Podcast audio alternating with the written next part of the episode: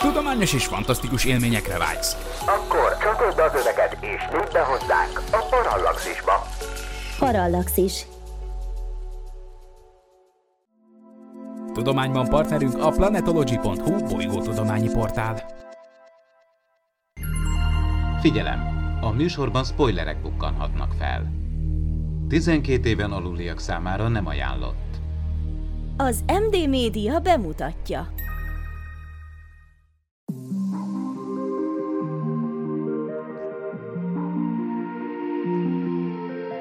Tudományos és fantasztikus élmények Erzsóval, aki pedagógus, Gergővel, aki geográfus, és Nándorral, aki környezetkutató. Ez itt a Planetokest, az MD Media tudományos és fantasztikus podcastje. Nagy szeretettel és tisztelettel köszöntöm kedves hallgatóinkat. Sziasztok! Ez a Planetokest negyedik adása, a mikrofonnál Rezsabek Nándor. A Planetokest mai adásában a szovjet-orosz űrkutatás filmvászton címmel fogunk beszélgetni és az Egyesült Államokkal egykor hidegháborús űrversenyt futó, de a jelenleg már több szereplős új nemzetközi űrvetélkedésben is meghatározó világhatalom témába vágó filmalkotásai kerülnek majd terítékre. Mindenek előtt azonban köszöntöm műsorvezető társaimat, Bardócné Kocsis Erzsót, szervusz Erzsó. Sziasztok! Valamint Kovács Gergőt, szervusz Gergő. Sziasztok! És stíl szerint indítsuk az adást, a kezdeteknél, az abszolút kezdeteknél menjünk vissza egészen a bölcsőig, és szeretném idézni a nagy teoretikus Konstantin Ciolkovszki szavait, mi szerint a Föld a ráció bölcsője, de nem lehet örökre a bölcsőben maradni. Valaki esetleg oroszul is tudná ezt interpretálni? Zemlya – это калибер разума, но нельзя вечно жить в калибели. Ezeket a Ciolkovszki sokszor idézett egyébként, sokszor esetleg kicsit más formában idézett szavait, hogy kell értelmeznünk, vagy hogy jutunk el innen a filmvászonra, ugye a mai előadás tematikája. Mire gondolt Ciolkovszki? Én nagyon szeretem ezt az idézetet méghozzá azért, mert hogyha olyas valakivel beszélgetek, aki kicsi szkeptikus az abban a térben, abban az értelemben, hogy mi értelme az űrkutatásnak, mi értelme annak, hogy repkedünk az űrben, hogy embereket küldtünk a holdra, hogy űrszondákat küldtünk a naprendszer számos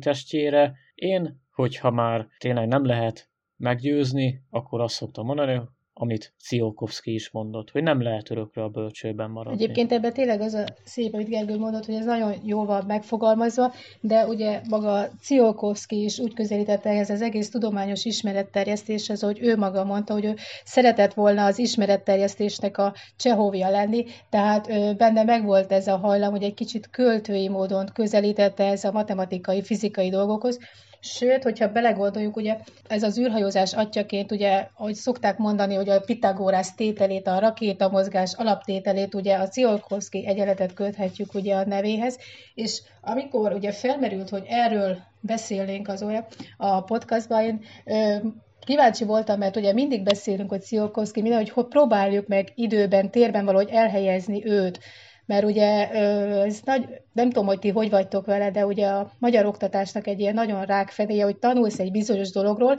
de például fogalmat sincs, hogy kikinek volt a kortársa, kikivel élhetett együtt. Tehát amikor Ciolkovszkinak 1903-ban megjelent ez a világűr kutatása, ami a sugárhajtási eszközökkel foglalkozott, ugye amiben pont ez a rakétamozgásos alapegyenlet van, tehát hogy tudjuk-e, hogy kik élhettek ebbe az időben. Ugye megjelent Ciolkovszkinak a műve, és vajon mit történhetett a világban. Kik lehettek azok az emberek, akik ezt például olvashatták egy az egyben.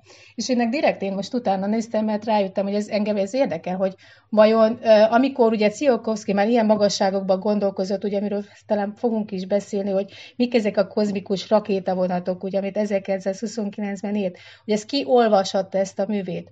És hogyha belegondoltok, 1903-ban repültek például a rágyfőérek. Hogy 1903-ban jelent meg Jack Londonnak a vadon szava, amit ugye mindenki ismer, tehát elvileg ezek olvashatták egymást. A Torónió Kröger szintén ekkor volt, és Adi Endre is ekkor írta a verseit. Tehát, hogyha egy belegondolt, hogy Magyarországon mi történik, ja, meg ugye az Erzsébet híd megépült Budapesten, az első, amit ugye később a világháborút felrobbantottak. Vagy amikor már a rakétavonatokról áldozott ugye ez az orosz tudós, akkor volt az legeslegelső Oscar gála például. Tehát ami roppant érdekes, hogy mik történtek a, a nagyvilágban. Ugye Hitchcock rendezte a filmjeit, Babics meg Móricz a nyugatnak a szerkesztői lettek. József Attila szintén megjelentette az első művét, Hemingwaynek a búcsú a fegyverektől. Tehát, hogy ilyen szellemi, meg ha belegondoltok, ilyen szellemi, meg hatalmas ilyen tudományos közeg volt az, amikor ő is így munkálkodott Oroszországban, és ugye tette a dolgát, amiről mi fogunk most beszélni.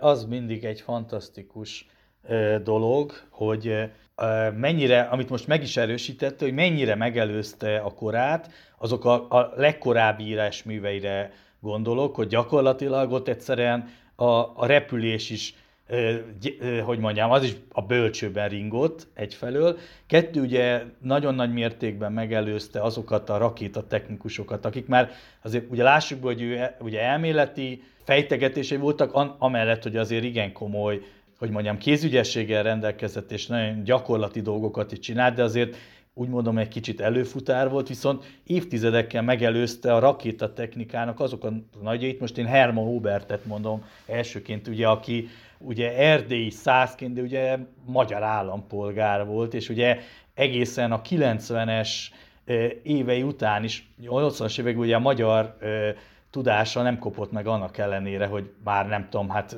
sok-sok évtizede külföldön élt, úgyhogy azt kell mondani, hogy nagyon nagy mértékben megelőzte őket, és azt is lássuk be, annak ellenére, hogy nyilván Oroszország mindig kitermelte a maga tudósait, műszaki szakembereit, irodámára, de azért sokszor az a közeg, ahonnan ezek az emberek jöttek, sokkal nehezebb, egy, nem volt olyan táptalaj esetleg, mint mondjuk szerencsésebb kortársai vagy, vagy utódjai, akik olyan helyre születtek. És, és kettő, hogy, hogy ez a e, úgy mondom úttörő szerep, ez máig megmaradt, mert lássuk be, hogy azért az Oroszországból érkező kutatók, gondolkodók csak a legnagyobbak törik át ezt a, a falat és ismertek, de Ciolkovszkinál ugye máig megmaradt, és ugye ezt mindenki elismeri azt, hogy milyen fontos szerepe volt ennek az egésznek a, azt mondom, az elméleti megalapozásában. És egyébként, amit mondtál, ez nagyon jó, ugye, hogy megelőzte korát, meg a kézügyessége, hiszen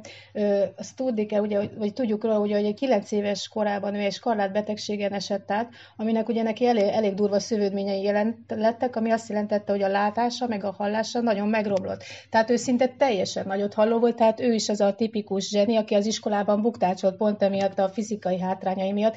Tehát ő például egy ilyen maga szerkesztette ilyen bádok hengerre hallgatta az egyetemi előadásokat, mert egyszerűen nem hallotta. És autodidakta módon képezte magát, ugye mondott, hogy megelőztek olyan, de például ő otthon tanult, tehát ezt a sok minden tudást, amit felszedett, ezt saját maga szedte össze, pont emiatt a hátránya miatt, és ezért is volt ő annyira másabb, mint a többiek, tehát sokkal inkább ilyen magába forduló volt, különcnek is tartották, de pont emiatt, mert ugye neki elég erős ö, fizikai izével kellett, hátránya kellett indulnia, amit ő ugye nagyon szépen be tudott hozni, és hihetetlen dolgokat tudott belőle kihozni. Mi lett volna, ha nem Oroszországban születik meg, hanem mondjuk egy másik nyugat-európai országban, vagy az Egyesült Államokban. Igen, biztos nem nézték volna bolondnak, mint a Kalugál, ahol haláláig lakott, ahol ugye felhúzott egy csillagvizsgálót, és éjszakánként kiült észlelni. Lehet, hogy egy kicsit jobban becsülték volna, de hogyha Sziolkovszki és ugye a rakétavonatot említettük, ugye ilyen, ilyen vonatokat mi is láthatunk az égbolton, ugye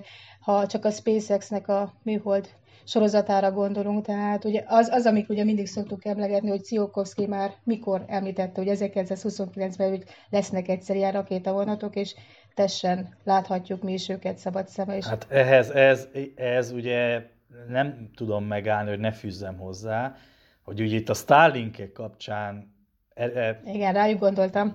Visszatértünk már, sokszor visszakanyarodtunk, ugye a paralaxisnál, meg vissza is fogunk, és nekem mindig az jut eszembe, egyfajta hasonlatként, hogyha most ilyen helytörténeti érdeklődéssel ugye visszanézem azt a lakókörnyezetet, és ott a, abban a lakókörnyezetben, ugye megnézem egy 50 évvel ezelőtti utcaképet, hogy lényegében alig volt gépjármű az utcán, és el kell fogadnunk, hogy ez megváltozott és meg fog változni, olyan formában fog megváltozni, hogy be fogják az eget népesíteni.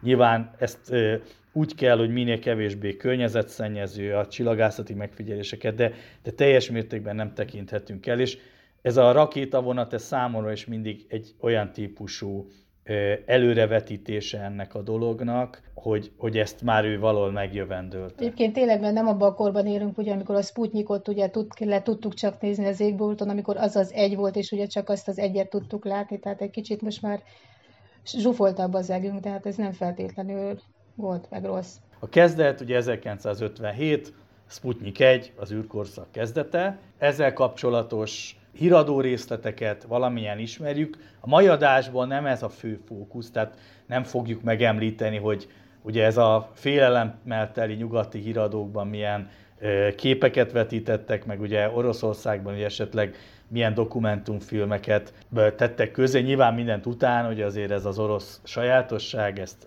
tudjuk, ezt ismerjük. Gagarin, az első ember űrrepülése 1961 április 12, Bajkonur és felbocsátták. Azzal most ugye ne foglalkozzunk, ami sokszor előkerül, hogy ugye volt-e esetleg ezt megelőzően. Nem volt, ha lett volna nyilvánvaló a fő rivális az amerikai Egyesült Államok abban a pillanatban borítja a Billit, és ez kiderült, tehát Gagarin volt az első, és ezt az első repülést egy nagyon remek orosz film örökítette meg. 2013. 13-as alkotás, igen. igen. A másik, ugye majd a Szajutról beszélünk egy néhány év különbséggel. Talán ott érdemes felvezetni, hogy a személyes véleményem, az ember nézi, és, és furán hangzik, de nem mondanám meg, hogy orosz film. Tehát ezek olyan professzionális technikával, színészi játékkal, rendezéssel készülnek, hogy én egyébként, akik nagyon szerettem az orosz filmeket, és a néme filmektől kezdve gyakorta nézek ilyeneket, de ez azért lássuk be, hogy nem általános itt Magyarországon, de ezt úgy mondom, hogy egy átlagfogyasztó is meg tudja nézni, és, és meg, nem mondaná meg, hogy egy Oroszországban készült filmről van szó. Nekem is valami hasonló érzésem volt, hasonló benyomásom, nem tudom, hogy te Erzsó, neked is, neked is ez volt a, az impulzus, a benyomás? Nem tudom, én ezzel kapcsolatban azt akartam mondani, hogy tehát ez szerintem abszolút, én, nekem viszont teljesen átjön ez, hogy inkább ez egy orosz film, mert amikor mondjuk, hogy a későbbi a szaljutott, meg az első ember láttam én majdnem egyszerre időben, ugye az első ember Neil Armstrong, ugye az amerikai a szaljut, meg orosz, meg ugye a Gagarint is, tehát ezt a három filmet én körülbelül egyszerre egy időben láttam, Nekem másabb ez az orosz film, mint egy amerikai film. Tehát főleg az, hogy a szereplőválogatáskor, amikor nézzük egy amerikai filmen, ugye inkább törekednek erre a minél szebb és jobb ember legyen, tehát ez az ilyen szépségideálok, meg tökéletes hősök, tehát nekem inkább azok jelennek meg, mint például a Gagarin filmnél. Nagyon kényesen ügyeltek a filmrendezők arra, hogy például a szereplők is hasonlítsanak az eredetikhez. Tehát, hogyha megnézzük például a főszereplő Gagarint is, nagyon hasonlít a rendes Yuri Gagarinhoz, tehát nagyon kinézetre, mindenre, tehát erre nagyon odaügyeltek. Tehát, hogy nem az volt a legfontosabb szempont, hogy minél szebb és csinosabb szereplőket vonultassunk fel, hanem inkább realisztikus legyen, és ez a oroszokra szerintem amúgy is sokkal inkább jellemző, hogy inkább ilyen realisztikusan próbálják megközelíteni a dolgokat, és ezzel ennek ellenére sikerült mégis, ahogy te mondtad, egy olyan filmet létrehozniuk, akár a Gagarinnal, akár a Szajuttal, hogy ami simán felveszi a versenyt a hollywoodi társaikkal.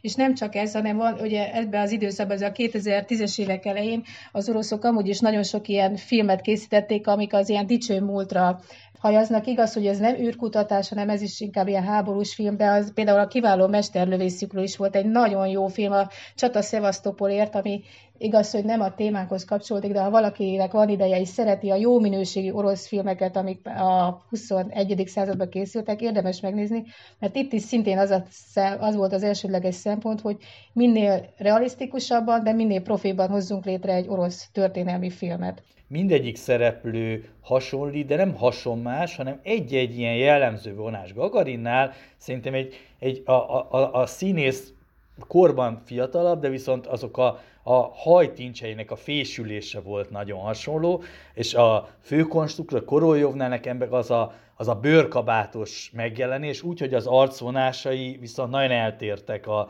az eredeti. De egy-egy ilyen Momentum az, az gyakorlatilag megidézi azt a szereplőt, viszont e, ez az oka, hogy utána filmművészet lesz, és nem az, hogy valami hasonmás verseny ilyen klónok eljátszák azt, hogy hogy repült a, a szovjet elvtárs.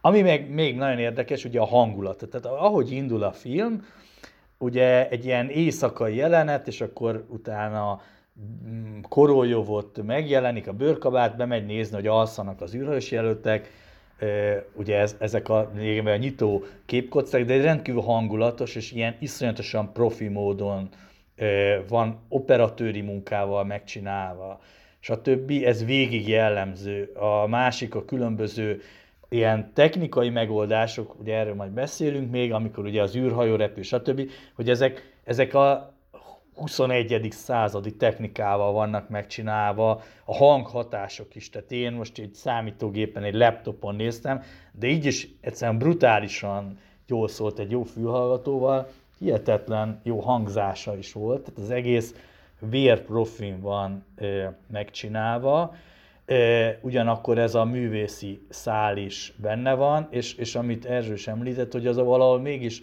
oroszos, mert, mert ö, így nem lehet megcsinálni, tehát azt mondom, hogy ez bárki egy orosz témát feldolgoz, abból vagy ilyen blödli lesz, amikor ugye mindig hülyék és ilyen oroszos akcentussal, ami alkoholista repked az űrbe, vagy egy ilyen szereplő, ami előfordul, ami full ostobaság, mert azért ez, ez ugye, ezzel lássuk be, hogy egy nagyon sztereotíp gondolkodás, vagy pedig valami nagyon félrement dolog.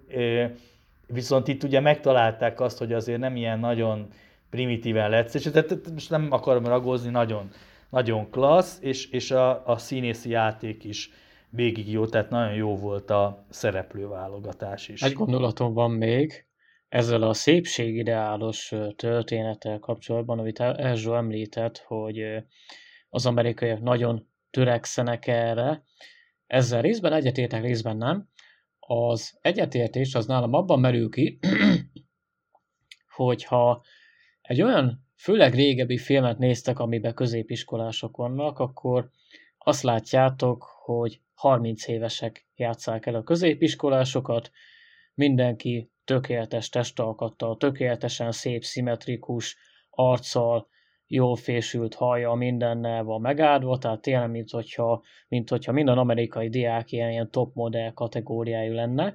Olyan szinten viszont nem értek egyet, hogy az új sodratú filmekben, sorozatokban, mint például a Csernobyl sorozat, ott már azért törekedtek a hitelességre, tehát ott azért már hasonlítottak a színészek az egyes valós karakterekre, például, hogyha Legoszov professzort kell említsem, de említettem még akár Gyatlovot is, Gyatlov elvtársat. Erre lehetne akkor klontázni, hogy azért hasonlítottak annyira, mert orosz téma, és ezért volt jó.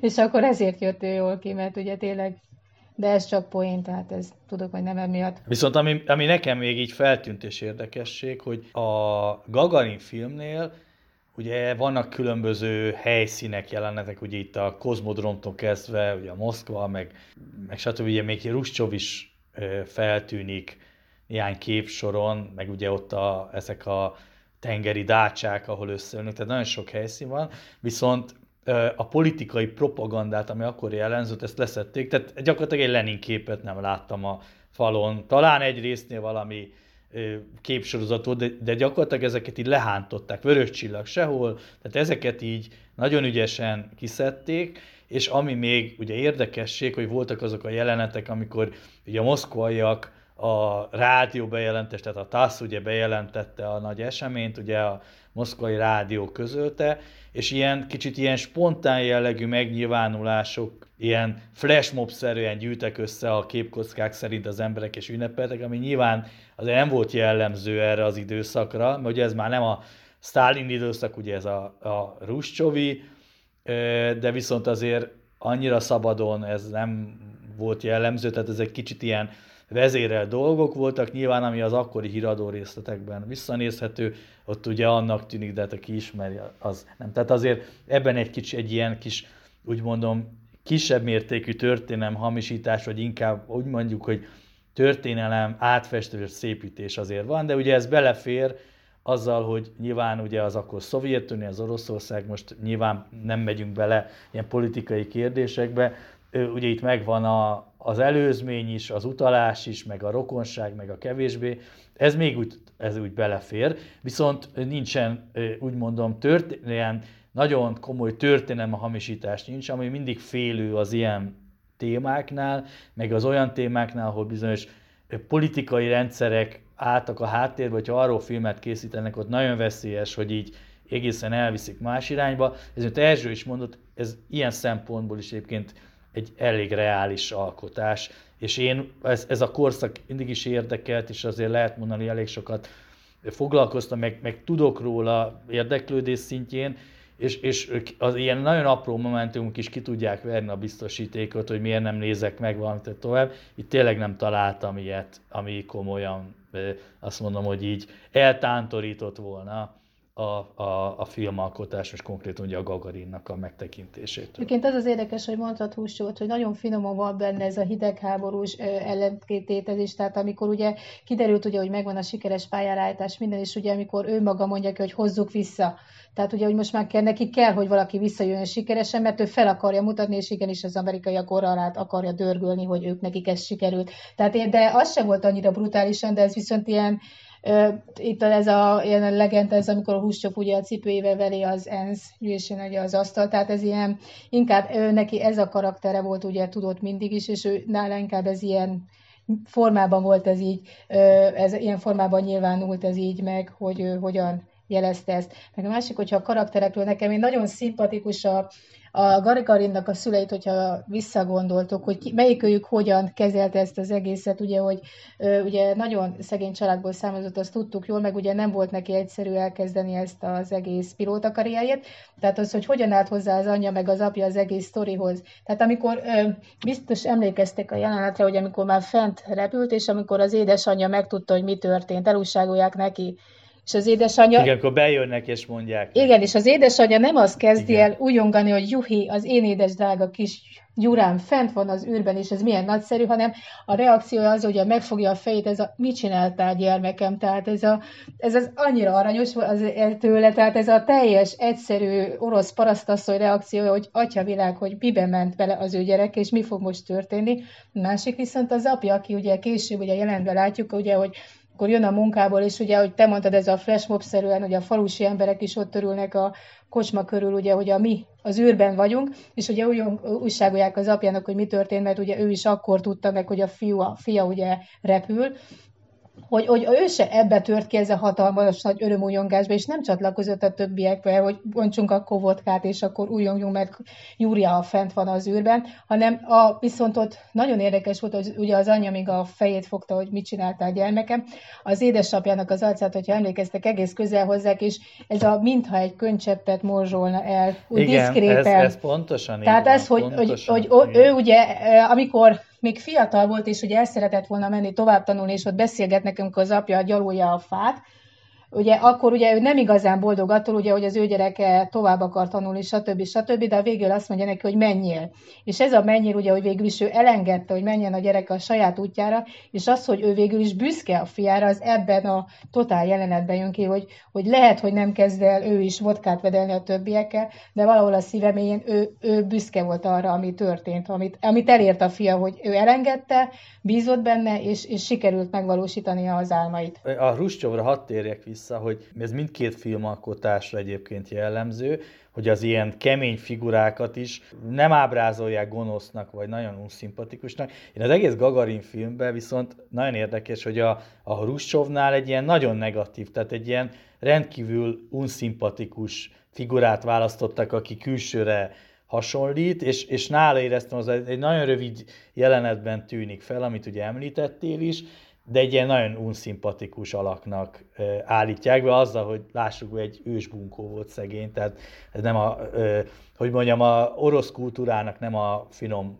ágát képviselte, de viszont ugye itt lehetett volna egy pozitív figuraként, mert azért lássuk be, hogy az orosz szűrprogram, ugye az ő regnálása alatt indult. Amikor ugye Ruscsova cipőjével az enszékházban verte az asztalt, utána ragadt rá a Mr. Nyet gújnév. Kapcsolódnák a Gagarin apjának az ábrázolására, hogy teljes mértékben egyetértek. Az egész minek az egyik legszimpatikusabb figurájává teszi valahogy az a színészi játék is. Az, hogy persze ugye a valóságban ez hogy volt, mint volt, ugye ezek sokszor ilyen, úgy mondom, maga a történet egyes elemi, azok bizonyos legendákra épülnek, amit az akkori, hogy mondjam, irányított életrajzok, meg, meg beszámolók sugaltak. Ugye a valóságot ugye soha nem láthatjuk, hiszen ugye a Gagarin is rég elhunyt, nyilván a szülők is, tehát egy kicsit ez a ideálnak a leírására alapozott történet van a háttérről, de az a színész, aki megformálta az édesapját, az tényleg az egyik legfantasztikusabb játék volt, és valószínűleg azért ez közel lehetett a, a valósághoz. Abban mindenképpen, ugye, amit Erzsős említett, hogy milyen környezetből érkeztek, és nyilvánvaló, hogyha nem is értette meg a fiát, amikor, amikor tényleg a nevet bemondta a rádió, akkor biztos, hogy, hogy egy ilyen típusú reakció lehetett. Akkor is, hogyha a valóságban lehet, hogy együtt vedelte a vodkát, akkor is, ha meg így, akkor is, de biztos, hogy ez nagyon mélyen megérintette az embert, akkor az az édesapát. Esetleg beszéljünk arról, hogy milyen, hogy ábrázolják a rakétát, az űrhajót, akkor a, a repülés egyes momentumait. Én hadd kezdjem azzal, hogy vérprofi meg vannak csinálva, tehát ugye a kilövő állás is, utána azok a jelenetek, amikor már az űrben van, tehát azok, amikor belülről mutatják, nagyon-nagyon profi meg vannak csinálva. A visszatérésnél is ugye a katapultálás, azoknak az egyes elemeit is nagyon profi megcsinálták az orosz filmkészítők.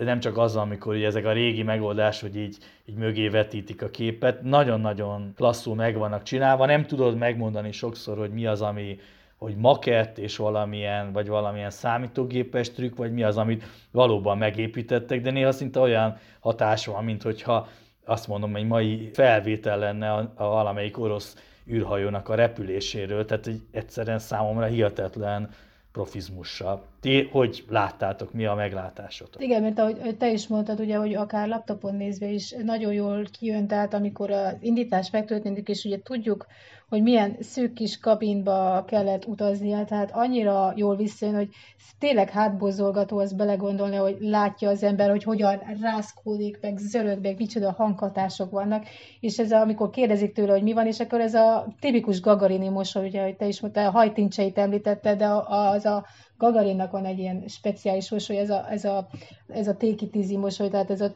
csibészes mosoly, amit olyan lazán és könnyedén igen. vesz mindent. Ó, minden rendben van, ez a ugyan már 9 vagy 10G terhelés éri a szervezetemet, és semmi gond, kiszállok és megyek tovább. Tehát ez annyira jellemző gang. Meg amikor visszafele jön már a landolások, és ugye látszik, hogy kívülről tüzel, lángol minden az űrkabin, és ugye hogy az arca is hogy kipirosodik, tehát egy, tényleg egy háborús gongatóan él meg az ember, hogy szinte érzette is ezt a remegést, meg a forróságot, hogy ez, ez iszonyatosan para érzés lehetett, mert ugye tudjuk, hogy ők is tudta, meg mindenki tudta, hogy ez, ez a utazás, ez nem egy életbiztosítás. Tehát mindenki tudta, hogy bármi előfordulhat, hiszen ugye ez a filmben is felmerült, tehát amikor a, a, ott vannak együtt ugye többen a kiképzés alatt is, tehát tö, többször is felmerül, vagy biztos emlékeztek, amikor egyszer hallgatják a rádiót, és akkor ö, beszélnek ö, arról ugye, hogy már sikeres visszatérés volt, stb. stb. És ugye nem esik le nekik a tantusz először, hogy, ö,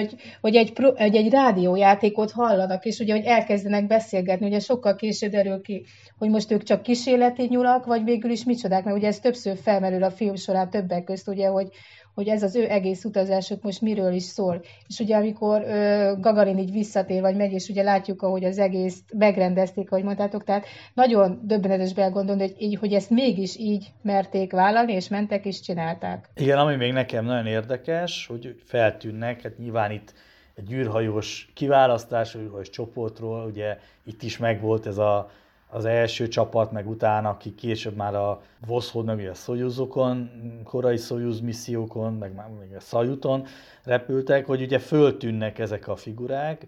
Ezek érdekes módon a többieknél több hasonlóság van esetleg a reális megjelenésre, mint mondjuk, amit említettünk, hogy Gogarinnál, meg Korolyov, én Bikovskit mondanám, akinek ez a jellegzetes arcformája, ott tényleg találtak egy nagyon hasonló színészt, és egyébként még érdekesség a filmben, hogy megjelenített olyan belső konfliktusokat is.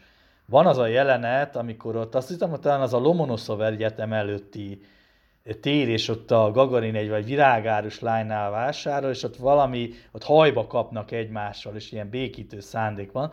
És ezek azért érdekesek, mert ezekről ugye akkor nem lehetett olvasni, meg ha most valaki visszaolvas, ugye voltak ezek a propaganda ízű könyvek, amikkel ugye elárasztották a magyar fordításból a piacot, amiket amiket imádunk, meg nagyon szeretünk, de lássuk be, hogy azért ezek nem reálisak, de nagy feszültségeket nem jelentett meg, a filmben viszont ilyenek is voltak és ezek érdekes, érdekes, érdekesek voltak, meg olyanok is ugye megjelennek, az űrkutatás mártírjai, most amellett ugye Gagarin is sajnos ugye fiatalon elhunyt, de például ugye Komarov, aki a, a Soyuz 1-nek a berepülője volt, és, és, és hősi halottja, és, és valahogy, amikor így megjelenik az első kockákon, ez úgy benne van, tehát nagyon itt is látszik, hogy, hogy, a, hogy azért a, a, a forgatókönyvíró, a rendező nagyon-nagyon tisztában volt, hogy kikről, mikről vannak alkotások, mikor Komarov nevét mondja, az egészben már lejön, hogy ennek valami későbbi feszültség vagy, vagy, vagy tragédia lesz a vége. Ezek nagyon érdekes, ilyen apró kis uh, nüansznyi dolgok, de az ember így alaposan nézi, a fővonal mellett ilyenekkel is találkozhat. Igen, ezek a feszültségek egyébként végig megvannak, mert ugye amikor Gagarin se reagál ugye a földi hívóra, és nem válaszol rögtön, és akkor látjuk rögtön a, a lent, ugye az indító, a, a többieknek, hogy hogyan aggódnak, hogy mi történhetett, mert ugye amikor a púzus száma iszonyú magasan megugrik, hogy mi történhetett, és állandóan ugye ez benne van, hogy mi fog történni, mi fog történni, milyen, mikor üthet be valami komoly ö, probléma, tehát ez állandóan ott lebeg a levegőben, ugye, hogy valami mindig fog, ö, valami közben, és akkor ö, nem is mennek igazán felélegezni soha, tehát amikor hiába jön a jelentés, ugye, hogy lefállt sikeresen az első fokozat, második fokozat, nem akkor éreztek igazi megkönnyebbülést, mert tehát még akkor is oké, oké, okay, sikerült, tudomásul vették, de az igazán akkor volt nagy örömüljongás és felülegzés, amikor ugye már megtörtént a pályárálás. Tehát ez, ez, ez amit te mondtál, hogy ez a feszültség, ez, ez folyamatosan ott volt benne meg ugye, hogy is hívják, ugye Koroljov is korábban beszélt is erről, ugye, hogy figyelik, hogy hova fog földet érni, mert hogyha idegen helyen fog földet érni az a kabinak, ugye mit fognak szólni hozzá, hogyha kiderül, hogy micsoda, ugye, hogy is mondta, hogy valami milyen ócskavasat küldtünk fel mi az égbe. Tehát tudták ők ezt nagyon jól, hogy ugye, hogy még ez nagyon-nagyon a kezdeti lépéseket teszik meg, és nagyon-nagyon az elején tartanak az útnak, és ebből még tényleg bármi lehet a végén, és ugye látjuk is, hogy bármi lett, hiszen a kiképzéskor is ugye ott nézték végig a többiek, hogy hogyan robbantak fel a rakéták, meg minden, tehát pontosan tudták. Igen, ez egy érdekes jelenet igen. volt. Igen. Tehát, és az, hogy mégis, mégis, mégis azt mondták, hogy oké, okay, vállaljuk, mi megyünk, és csinálni fogjuk. Tehát fel sem merült benne egyikbe se, hogy azt mondja, hogy na, én felállok és hazamegyek, hanem inkább azon ment a vita, hogy te is mondtad, hogy, hogy ki lesz az első, és ugye ez többször is felmerül, ugye a kettőjük közt is, mint ahogy mondtad az indítóképnél is, amikor fekszetek az ágyban. Tehát akkor is ugye az állandóan megvolt, hogy ki lesz az első, vagy ki nem lesz, vagy amikor mennek a buszba, és akkor is ugye a tévések ott húzzák, volt, hogy na, nem te leszel, hanem ugye Júra lesz az első. Tehát ez ugye ez finoman mindig ott van, ugye, hogy azért ez neki nem feltétlenül volt egy jó érzés, hogy ő csak a második volt. Ez biztos így van. Egyébként nagyon véletlenül régen mindig ezen poinkodtunk néhány ilyen űrkutatás van rajongók, hogy azzal a keresztem, hogy Germán, ugye Tito biztos nem lehetett volna az első, mert ez eléggé viccesen hangzott volna, bár szegény amerikaiaknak is ugye ott meg volt a Werner von Braunnál ez a szál, már elnézést ezt, ezért a kiszólásért, de ez, ez, ez így van. Ez nekem mindig egyébként egy érdekes kérdés volt, hogy vajon tudták-e, hogy melyikük fog repülni. Ezt nem tudom, vagy pedig tényleg akkor ott dőlt el, de valóban ez így előkerül, hogy, hogy, hogy ott piszkálják a másikat, hát valószínűleg akkor már ugye megvolt a döntés, de ezeket nagyon szépen megjeleníti a film. Ahogy ugye a visszatérést is, ez is ugye már így fölvetődött, ez is egy azt mondom, egy talán ilyen városi legenda, de hogy mennyire volt igaz vagy nem, de itt is ez jelenik meg. Ugye visszatérés során katapultál Gagarin, hogy egy termőföldön ér talajt, ugye a Kolhoz vagy Szofhoz területén, ott a asszony, meg a, a, a kisunoka talán, vagy gyerek találja meg, és akkor ugye nem tudják mire vélni itt a, a, a, hogy egyáltalán mi az az űrruha, a sisak, talán még olyat se láttak, ugye a Szovjetunió felirat az egyértelmű, ugye ennek a, a vetűszava, vagy mozaik szava, és majdnem ott is hagyják, de aztán Gagarin valahogy kinyitja a sisakot, és akkor nyilván a, az orosz szó megnyugtatja ott az asszonyságot, aki talán a tehenészetbe igyekszik onnan, és akkor ugye ők viszik be a faluba, vagy aztán a városba. Gagarint, de nagyon hangulatosan van megcsinálva, mert ezeket az ilyen propagandaizű köteteket az ember elolvas, ez mindig olyan nevetséges, ugye benne van ez a propaganda, hogy a szofhoz, hát természetesen ott kell, vagy kórhoz ott kell földet érni, és ott a, a munkásosztálya a szövetséges dolgozó parasság képviselőivel találkozik, de itt olyan emberi módon jelenik meg. Tehát elég, elég furcsa nézett volna ki, hogyha valami szénmedencébe landolt volna, vagy valami kohászatűzem közelébe, vagy traktorgyár közelébe, vagy, vagy ahol éppen, nem tudom, a T-34-esek folyamatosan gördülnek lefel, aztán már viszik is elfele.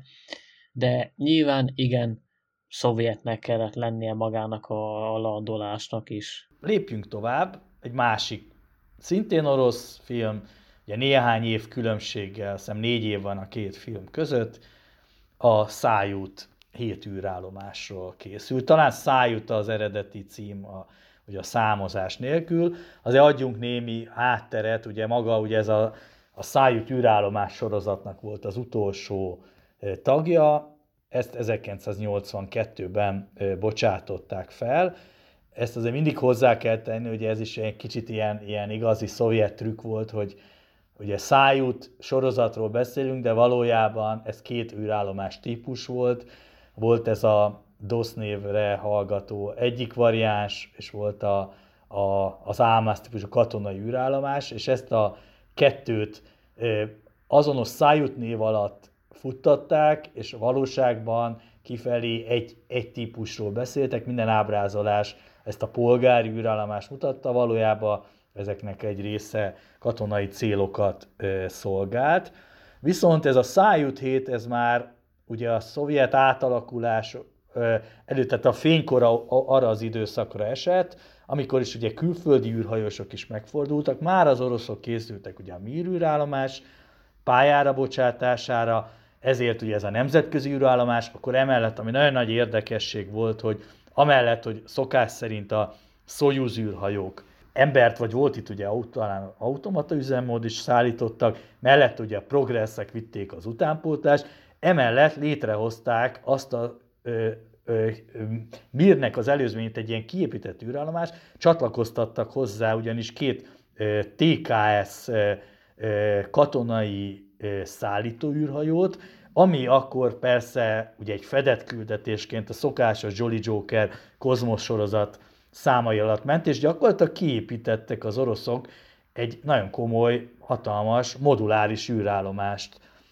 ezáltal, és maga visszatérve akkor a filmhez, ugye a sztori az, hogy ennek az űrállomásnak volt egy ilyen problémás szituáció, ez 1985, amikor különböző műszaki problémák léptek fel, és az űrállomás úgy tűnt, hogy elveszik. Ez a történetnek a magva innen indul. Bocsát, még annyi, hogy úgy ábrázolják, hogy a problémát egy meteort zápor okozza, és a napelemeket eltalálja. Ezt nem tudom egyébként a valóságban is így volt-e, de itt ez, ez egyértelműen így mutatják a filmben. A valódi, tehát egyébként van ilyen kritika, tehát a Szájút filmmel kapcsolatban, tehát ugye Említetted a Gagarinnál, hogy ott nem mind, vannak ilyen finom ferdítések, lehetnek ugye, amik a történelmet így diszkréten átírják. Na a Szaljutnál sorozatban vannak ilyen sztorik. Tehát ez, ez a legelső, amit te mondtál, tehát itt a probléma nem az volt az űrhajó, e, a, az űrállomással, sima, egyszerű gond volt, ehhez képest csak az a filmen nem mutatott volna szépen, hogyha bejelentik, hogy elromlott a rádióegység, és, és, és zárat keretkezett, ezért az állomásnak az akkumulátorai lemerültek. Na hát ezzel a flash nem lehet elindítani egy sikerfilmet, mert ez elég uncsi lenne. Tehát ezzel úgy mit kezdesz? Tehát oké, okay, lemerült és, tehát ez, ez, ez látványosabb megoldást kerestek a filmesek, és ugye, hogy mi történhetett. Ugye, és hogyan ö, ö, sérülhettek meg ugye fent a dolgok. A másik, ugye, amit a szájútnál, tehát ez nem csak az eleje volt, ugye, hogy mi történhetett, másik az, amikor ugye a szereplők neveivel játszottak. Tehát ugye a valóságban Johnny Bekov meg Szavinik mentek fel, de ugye a filmben egészen más neveket hallották, sőt, még Svetlana Szavickájának a nevét is Lazarevának változtatták el, pedig ugye ő volt a második nő az űrben, akinek ugye csak jó lett volna a nevét megemlíteni, de például ezt is átéltek. Tehát nagyon sok ilyen finom túlzást csináltak, ami egyébként abszolút nem rúgt a film minőségén, meg élvezhetőségén, csak a valóságban tudjuk, hogy például egy űrállomáson, amikor felolvadt a víz, tehát ilyen iszonyatos mennyiség víz nem lehetett volna. Tehát a tűz, meg a dokkolás is valószínűleg nem így történhetett a valóságban, viszont filmben ezek talán a legjobb jelenetek, például a dokkolás, vagy amikor így felolvad a víz, és aztán rengeteg vízcseppet látod, hogy lebegnek szerte szét. Tehát meg valószínűleg ugye ez a csúcs jelenet, amit ugye szintén biztos hát emlékeztek, amikor kint ülnek az űrhajósok az űrállomáson, és akkor elvonul szépen a Challenger űrrepülőgép, tehát ők valószínűleg nem integethettek egymásnak, hiszen időben nem, tanul, nem találkozhattak, hiszen a Challenger áprilisban startolt, és májusban már vissza is tért, míg a ez a Soyuz T-13-as, ugye, ez pedig ö, júniusban indult, és szeptemberben jött vissza, tehát így időben ez nem lett volna lehetséges, viszont a filmben ez annyira jól kijön, és annyira illik az egész sztoriba, hogy szerintem az ember így hajlamos egy kicsit így felülemelkedni, hogy a valóságban ez nem feltétlenül így volt. A filmkészítőknek azért elég jól, jól sikerült feltupírozni ennek az űrállomásnak a problémáját, amit említettél is, tehát ugye, ugye meteor eltalálta, különböző műszerek, százorok tönkrementek, elég, hogyha arra kis eldeformálódott kis fém csücsökre gondoltok, amit nagy bőszen kalapáltak egy fél napig. Ugye elöntötte a víz az űrállomást, ami ugye, ugye megfagyott, tehát én már azt vártam, hogy mikor, mikor fog még valami atomreaktor berobbanni ott, vagy nem, nem is tudom, tehát nagyon, nagyon Robbanás volt, csak nem atomreaktor, tehát. Hát igen, igen, de már ezt, már ezt várhattuk volna, hogy, hogy még, még, még valami lesz ebben, ebben a filmben. Egyébként nem tudom, hogy ti hogy vagytok vele, ugye a kezdő jeleneteknél, mikor, mikor kiderül az, hogy baj van ezzel az űrállomással, szerintetek ez a űrközpont, ahol nézik az űrállomást, meg ahonnan irányítják ezt az egészet, mennyire szovjet? Mert szerintem nem annyira. Pontosan ez jutott eszembe, hogy ez ö, szerintem sokkal profi, mint akkor volt, és egy kicsit talán még technikai eszközéből, hogy ábrázolják, talán meg is előzi. Én gyerekként erre azért emlékszem ezekre a jelenetekre, de, de ez szerintem nem az, ami a valóság volt. Egy kicsit feltupírozott, és, és profi, meg az egész, hogy ott olvas. Szóval egy kicsit olyan, ez olyan amerikanizált irányítóközpont volt az én ö, olvasatomban. Nem csak a te olvasatodban.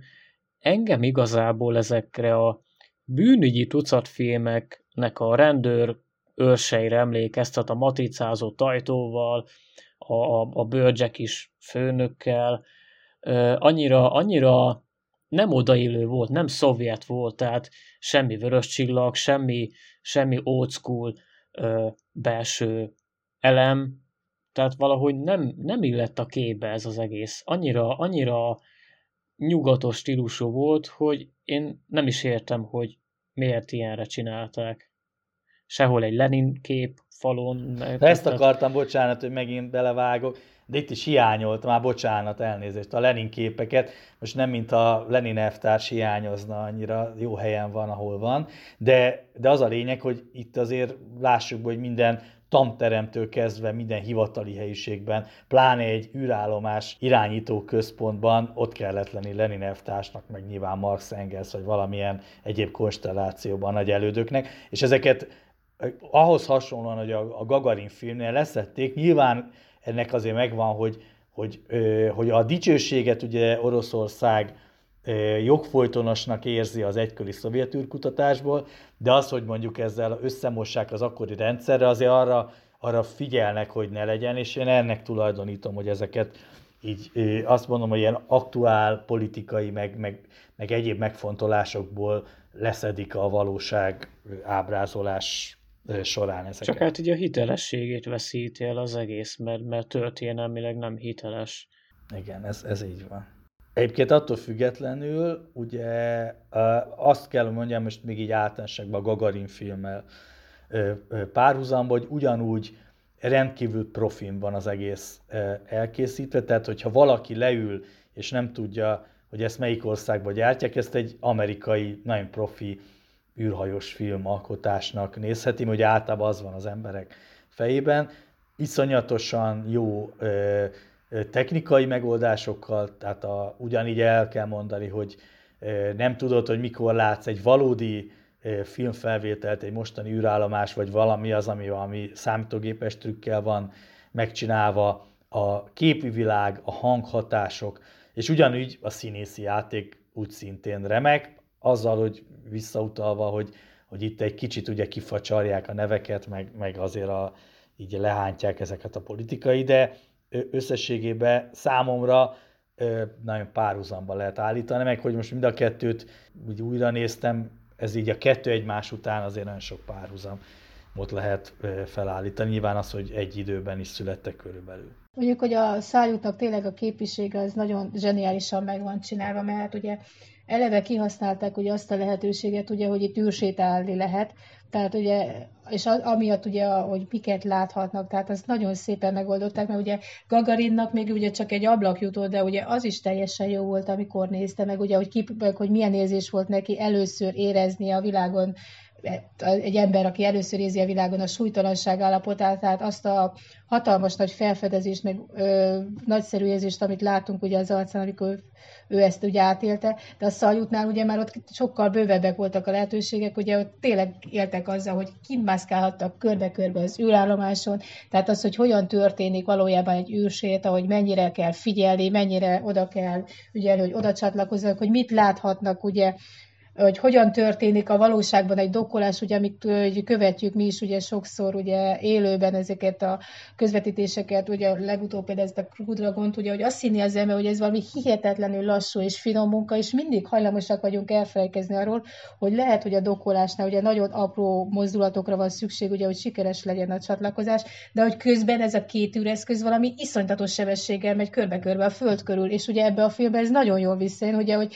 egyik pillanatban látjuk ezt a finom, aprólékos munkát, a következő pillanatban, mint két forma egyes ajtó, úgy elsuhadnak az izék, és az ember csak kapkodja a fejét, hogy ez most mi volt meg, az, hogy belegondolsz, hogy akkor hogy lehetséges ekkora sebesség mellett ilyen iszonyú precíz munkát végezni, és ugye tudjuk jól, hogy szinte vakon, hiszen ez a dokkolás lehet, hogy nem volt a valóságban, de szerintem az egyik legzseniálisabb jelenete ennek a filmnek, hogy ez hogy történik meg, a, mármint a film szerint. Ugye említettük, hogy amerikai filmekben, vagy űrkutatással, csillagászattal összefüggő filmekben oroszok tűnnek fel, mindig ilyen idiótának ábrázolják őket, bevodkázva, és általában az van, hogy, hogy egy bunkós bottal átvitt értelemben próbálnak egy szeget beverni, vagy, vagy, vagy hogy mondjam, egy legfinomabb művelethez is kalapácsot használnak, és itt látszik, hogy a valóság ugye nem ez volt, hogy nyilván ott is megvolt, és ez nagyon szépen átjön a filmben, hogy szükség esetén a, az ilyen robosztus orosz technika mögött is azért nagyon finom megoldásokra voltak képesek, mint hogy ma is. A világ az nem,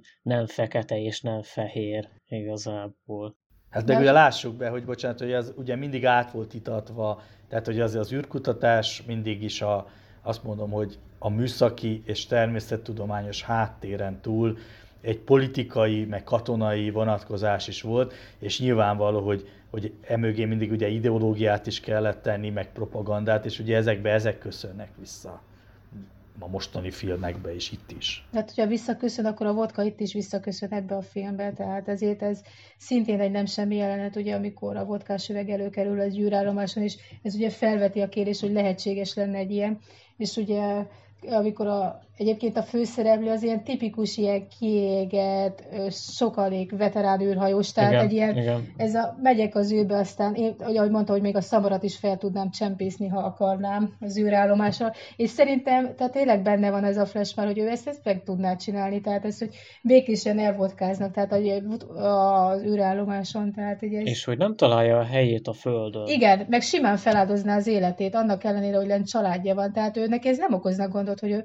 ő akkor akkor marad és menjen a másik haza, ugye amikor dönteni kell, hogy csak egy ember mehet haza, mert nincsen elég levegő. Igen, ő nem találja a helyét a földön. Tehát amikor, amikor volt az eljött, amikor a feleségével beszélgettek, idéző beszélgettek, a felesége beszélt, ő pedig ugye bámulta a plafon, tehát látszott rajta, hogy nincs jelen, hogy a feleségenek nincsen kivel beszélni. Amikor kimentek az erkére, és akkor a, a csésze kiesett a kezéből le, és akkor valószínű, hogy egy macska a közelében úgy olyan hallatszódott a nyelvogása, és akkor mondta a feleség, hogy hát ez itt a föld, itt a tárgyak lefelé esnek, tehát hogy neki ez egy ilyen büntetés lehetett az, hogy a földön van, eltították a repüléstől ráadásul a, a furcsa víziója miatt, tehát tényleg egy, egy ilyen nagyon kiégett, nagyon depressziós, szótalan, mogorva ember az a főszereplő. Tehát nagyon-nagyon tipikus. Igen.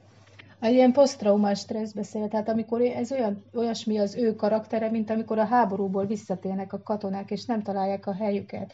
Tehát ez a született július 4-én filmre, ha gondolunk, az pont erről szól az egész film, hogy mennyire nem találja itt a helyét a civil életben. És hogy te mondtad, ez, ezzel én is abszolút egyetértek, ő se találja itt a helyét, tehát egy percig se gondolkozik, amikor neki mennie kell, hogy ő, ő visszamegy, és abszolút kézzel-lábbal megy, hogy ő ott lehessen. És nem okozza neki gondot, hogy ő ott maradjon, mert amikor emlékeztek, hogy felhívják ugye az űrállomást, és csak nekik vele közlik, ugye, hogy valószínű, hogy csak egy ember mehet vissza, és választani kell, hogy ki legyen, és ugye ő már akkor tudja, hogy akkor a másik fog menni. Tehát nem ez a pánik van benne, vagy ez a kétségbeesés, hogy úristen meg kell hallnom, hanem ez a hátradől lazál, és akkor minden rendben van. Meg, meg nem az amerikai hozzáállás, amikor egy amerikai akciófilmet megnéztek, a főhős valahol, nem tudom, Tibetben él remeteként, vagy, vagy valahol egy indián rezervátumban, és akkor egy helikopterre leszáll, és akkor egy ilyen tábornok oda megy hozzá, hogy meg felkérje valami nagyon szuper titkos, hihetetlen veszélyes misszióra, és akkor az elején mindig azt mondja a, a, a fő hős az amerikai filmekben, hogy nem vállalom mert befejeztem. És itt nincs ilyen. Említették ezt a víziót, ez mi volt? Miért tiltották el? Nem volt éppen a kor ideológiájának megfelelő. Angyalokat ne lássunk egy kommunista országban. Tehát... Az volt a baj, hogy nem, vörö, hogy, hogy nem vörös volt. Igen, ha azt mondta volna, hogy megjelensznek már, hogyha fel lehet, hogy a két, a Marxnak meg Engels képe felvillant, hogy a távolban a akkor lehet, hogy nem lett volna gond, de ő azt mondta, hogy angyalokat látott, és még 85-ben ezt nem tolerálták neki annyira. Mint jelen helyzetben egyébként szerintem abszolút nem jelenten ez már gondot. Ha most jelentenék azt az ISS-től, hogy angyalokat láttak, tehát mindenki úgy venni, hogy oké, okay, de 85-ben azért még nem kellett angyalokat. Lehet, hogy Lenin kép se volt, de azért angyalokat ne lássunk az elvtársak az űrben, tehát az, az nem jó. Igen, kommunizmus szelleme belengte az űrállomást is, hogy a... Ez volt a baj, hogy nem az lengte be, úgyhogy azért tiltották el. Úgyhogy... De egyébként az az érdekes, hogyha belegondoltok, amikor ketten voltak, és van egy ilyen finom célzás arra, amikor így hátra néznek a válluk fölött, akkor is ugyanez látszik. Igen, igen. Tehát ezt megkapja a fricskát a film, hogy akkor már mind a ketten láttak, csak ugye erről már nem beszélnek. Igen, ami még számomra érdekes volt így a karakterek szempontjából, hogy a másiknál is, hogy én ott ugye Hruscsovon kívül az összes döntéshozót, katonai vezetőt, stb. ilyen viszonylag reális, és úgy mondom, hogy nem negatív figurának ábrázolták, de, de itt is, tehát itt is ugye föltűnnek azok a pártemberek, meg katonatisztek, ugye, akik döntenek esetlegesen arra, hogy induljon egy misszió, mi legyen, stb., de nem ábrázolják őket vérszomjas, vagy nagyon gyilkos fazonként, tehát ez is nagyon érdekes, hogy, hogy ebben én nem találtam ilyen nagyon, nagyon negatív vonatkozást. Amit meg én még konstatáltam, hogy vannak olyan jelenetek, ahol mutatják a, most például ez az orvosi rendelő, ahol a űrhajós társnak ugye éppen szülni készülő felesége megfordul. Hát ott viszont azért szerintem van egy kis szépítés, mert azok a, azok a rendelők, hogy mondjam, a Szovjetunióban vagy Oroszországban kizártnak tartom, hogy esetleg ma van valamilyen méregdrága moszkvai fizetős magánorvosnál, de ezek egy kicsit azért e, eltúzottak szerintem, plán az akkori visszavetítve. Pontosan, megint, megint itt, itt visszaköszönt ez a, ez a kozmetikázás, tehát ahogy így elgondolkodtam, amikor néztem akár a rendelő, de főleg inkább az űrközpontot, sokkal inkább el tudtam volna képzelni azt, hogy tudjátok, amik a, a, a régi, nagyon régi orvosi rendelőkben voltak ilyen, ilyen hihetetlenül ronda, vagy fehér, vagy ilyen narancssárga, üveges ajtók, meg ilyen kis válaszfalak, meg ezek a nagyon-nagyon szociál ajtók, ablakok, asztalok, meg, meg mindenféle ilyesfajta ilyesfajta berendezési tárgy, tehát én mint a, mint a első-második osztályos gyerekkoromkori általános iskola, vagy orvosi rendelő, de itt nem volt ilyen, tehát nagyon nem odaillő volt ez az egész. Bezeg a Váci kórházban van ilyen orvosi rendelő a mai napig is, csak a jut filmre került ott. Hát ott kellett volna forgatni. Igen, egyébként teljesen reális lett volna, tehát ott nem hiszem, hogy voltatok, tehát amikor ott a szakrendelő meg a kórház között közlekedsz az alaksorban lent, fejed fölött csövek, amit te mondasz, minden megvan, hullóvakolat, narancssárga hajtó, mit tudom én, Lenin kép a falon. Teljesen. Azt talán már nincsen Lenin kép, de fene tudja, mert ugye nem minden részen voltam, de hihetetlen. Tehát inkább igen, ott kellett volna forgatni, ez sokkal realisztikusabb lett volna a, a szegény Váci kórház alaksora, tehát egy hihetetlen. Tehát én nem akartam először elhinni, hogy tényleg arra kell menni, amikor mondták, hogy de, arra menjek. Tehát mondom, hogy itt. Tehát, hogy persze. Ja, mondom, hm, oké, akkor. Hát igen, mondhatjuk, hogy esetleg a következő filmalkotásnál érdemes a esett tanulmányra eljönni ide Magyarországra a filmkészítőknek. Ugye kérdés, hogy lesz-e e, folytatás, ugye ez két különálló alkotás, elképzelhető, hogy, hogy feldolgoznak, nyilván az orosz e, e, űrtörténelem olyan, amit érdemes. Nyilván most ugye itt főleg két filmről beszélgettünk, de ugye számtalan dokumentumfilm, akkor nagyon klassz science fiction filmek is vannak, itt tudom, hogy többen is ugye ezekből nagyon sokat megnéztünk, tehát egy kicsit ugye leszűkítettük erre a két filmalkotásra, mert ezek ugye elérhetők, és, és azt mondom, hogy így az átlag néző számára is, vagy érdeklődő számára is jobban befogadható, mint valami elvontabb régi alkotás, vagy, vagy technikailag nem olyan megfelelő. Egyébként, ha ilyen orosz film, tehát még ez a hiány, mit hiányol az ember, tehát szerintem még Csereskováról érdemes lenne forgatni egy filmet. Illetve Leonovról. Róla, igen. Igen, kettőjükről, tehát szerintem az alaksor még jól jöhet egyszer. Lehet, lehet. Vagy akár azt mondom, hogy a dugába tölt orosz emberes eh, holdrepülésekről, de nyilván az ugye egy fájó pont. Na, mi vannak ötleteink.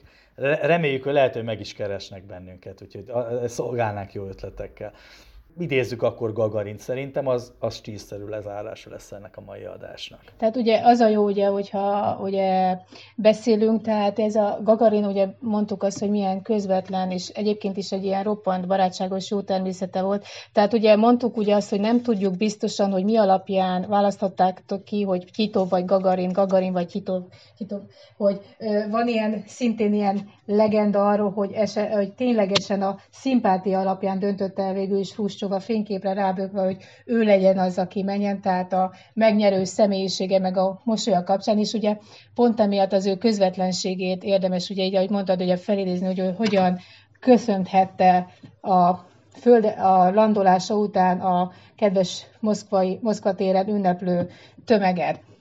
Ugye valami ilyesmi lehetett ez a Daragie Duruzia, Blizkie i neznakomie ludzi w stran i kontinentów. Drága közeli barátaim és kedves ismeretlenek szerte minden országból és minden kontinensről. Ja ispital большое счастье быть первым в космосе. Nagyon boldog vagyok, hogy én lehettem a legelső az űrben. Это большое ответственность перед всем человеческим. Ez az egész az emberiség hatalmas felelősség. Ну, я говорю вам, дорогие друзья, до свидания. Как всегда говорят люди друг другу. De most viszlátot mondok nektek, drága barátaim, pont úgy, ahogy az emberek elköszönni szoktak egymástól. Hát, műsorunk végére értünk, ez volt tehát a Planetok negyedik adása.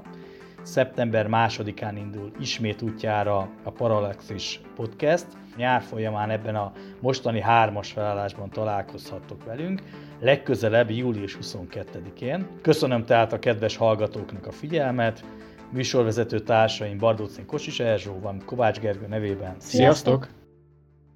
Nem volt elég a tudományból és a fantasztikumból? Olvasd a parallaxis.emtv.hu, lájkold a Facebook oldalunkat, nézd a YouTube csatornánkat, és hallgassd a Szokolébresztőt a Tilos Rádióban.